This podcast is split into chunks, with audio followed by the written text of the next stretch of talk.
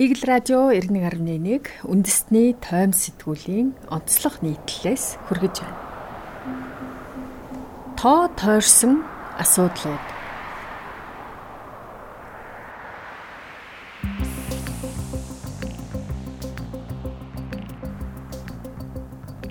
Айл 10 жилийн өмнөөс л монголчууд малаа тоолохоос хүнээ тоолдгүй гэх яриа чихтэлсэж хүн амын бүртгэлжүүлэлтийн талаарх асуудал хөндөгдөж ирсэн. Гэсэн ч нөхцөл байдал өнөө хэрэнд орвтой цэгцрээгүй хийгээд улсын бүртгэлийн аль нэгэнд нэгжид бүртгэлгүй тодорхой хаяггүй иргэн манай улсад цөөнгүй бий.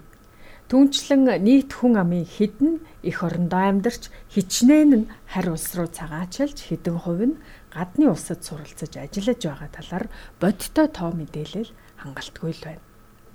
Энэ оны байдлаар иргэний шинчилсэн бүртгэлд хамрагдаагүй 44 мянган насанд хүрсэн хүн бий бол бүртгэлд хамраагүй ч хаягтай 17866 хүн байгаа талаар улсын бүртгэлийн ерхий газрын дарга дэлгэр сайхан 6 сарын өмнө мэдээлсэн.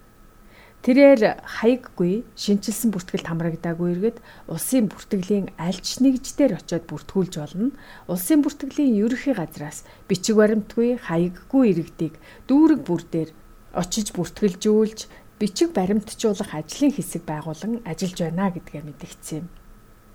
Уг тоо мэдээлэл олон нийтэд ил болсон нь өнгөрсөн 4-р сар.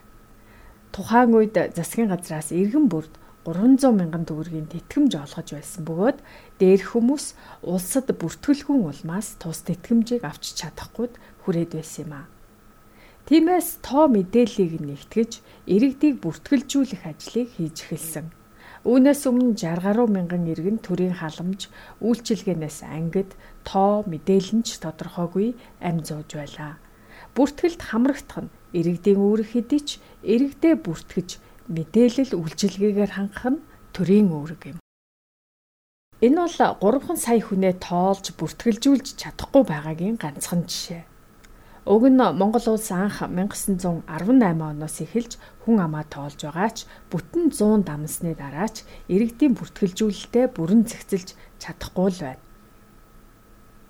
Малаач, хүнээч бодтой тоолж дөнгөдгүй. Монголчууд малаа тоолж чадаад хүнээ тоолж чадахгүй байгаа юм биш үү?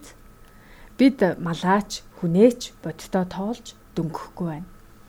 Хүнс хөдөө аж ахуй хөнгөн үйлдвэрийн яамнаас гаргасан мэдээлэлээр өнгөрсөн намрын байдлаар улсын хэмжээнд 90 гаруй сая толгой мал тоологдсон бөгөөд үүний 20 гаруй саяыг нь өвлийн хүнсэнд ашиглаад 70 гаруй сая толгой мал өвлжнө гэж тооцоолжээ.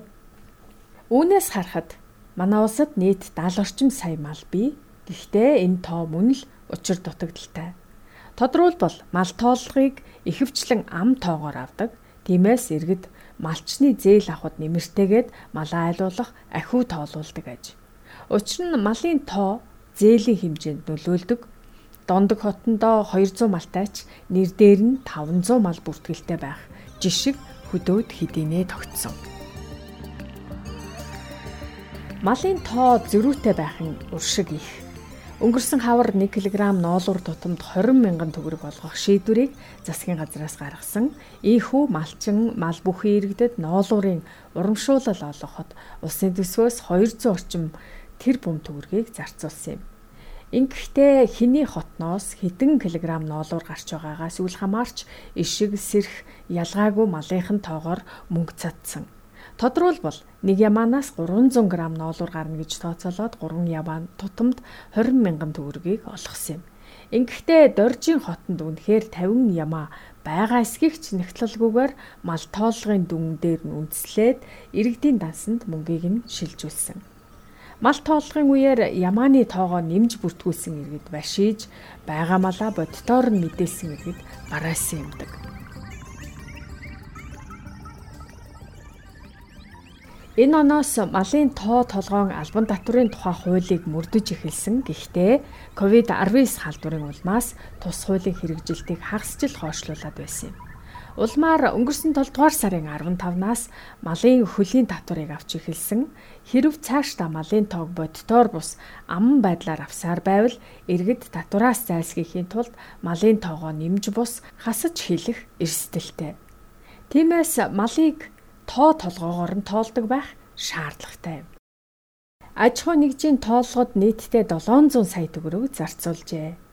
Статистикийн хуульд заасны дагуу аж ахуй нэгж байгууллагын улсын тоолгыг 5 жил тутам зохион байгуулдаг. Уг хуулийн хүрээнд зохион байгуулагдаж байгаа 5 дахь удаагийн тооллогыг 11-р сарын 1-ээс 12-р сарын 1-ний хугацаанд зохион байгуулахаар болжээ.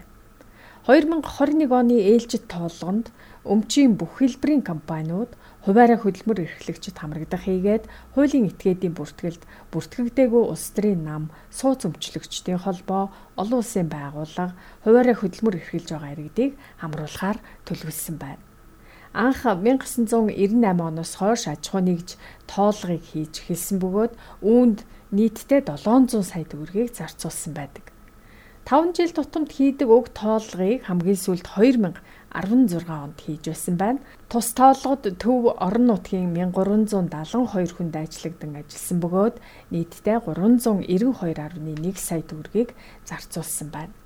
Монгол улсын нутаг дэвсгэр дээр хичнээн байгууллага ямар төрлийн үйл ажиллагаа явуулж байгааг бүртгэлжүүлэх нь нэн чухалж энэ төрлийн тооллого мөн л үр дүн муутай байдаг.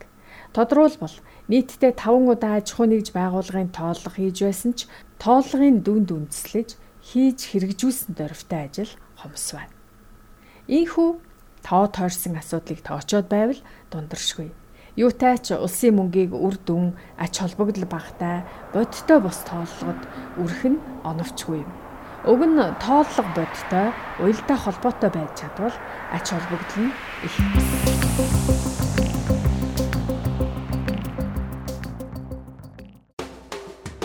Итгэж болох экссурулж. Игэл радио 91.1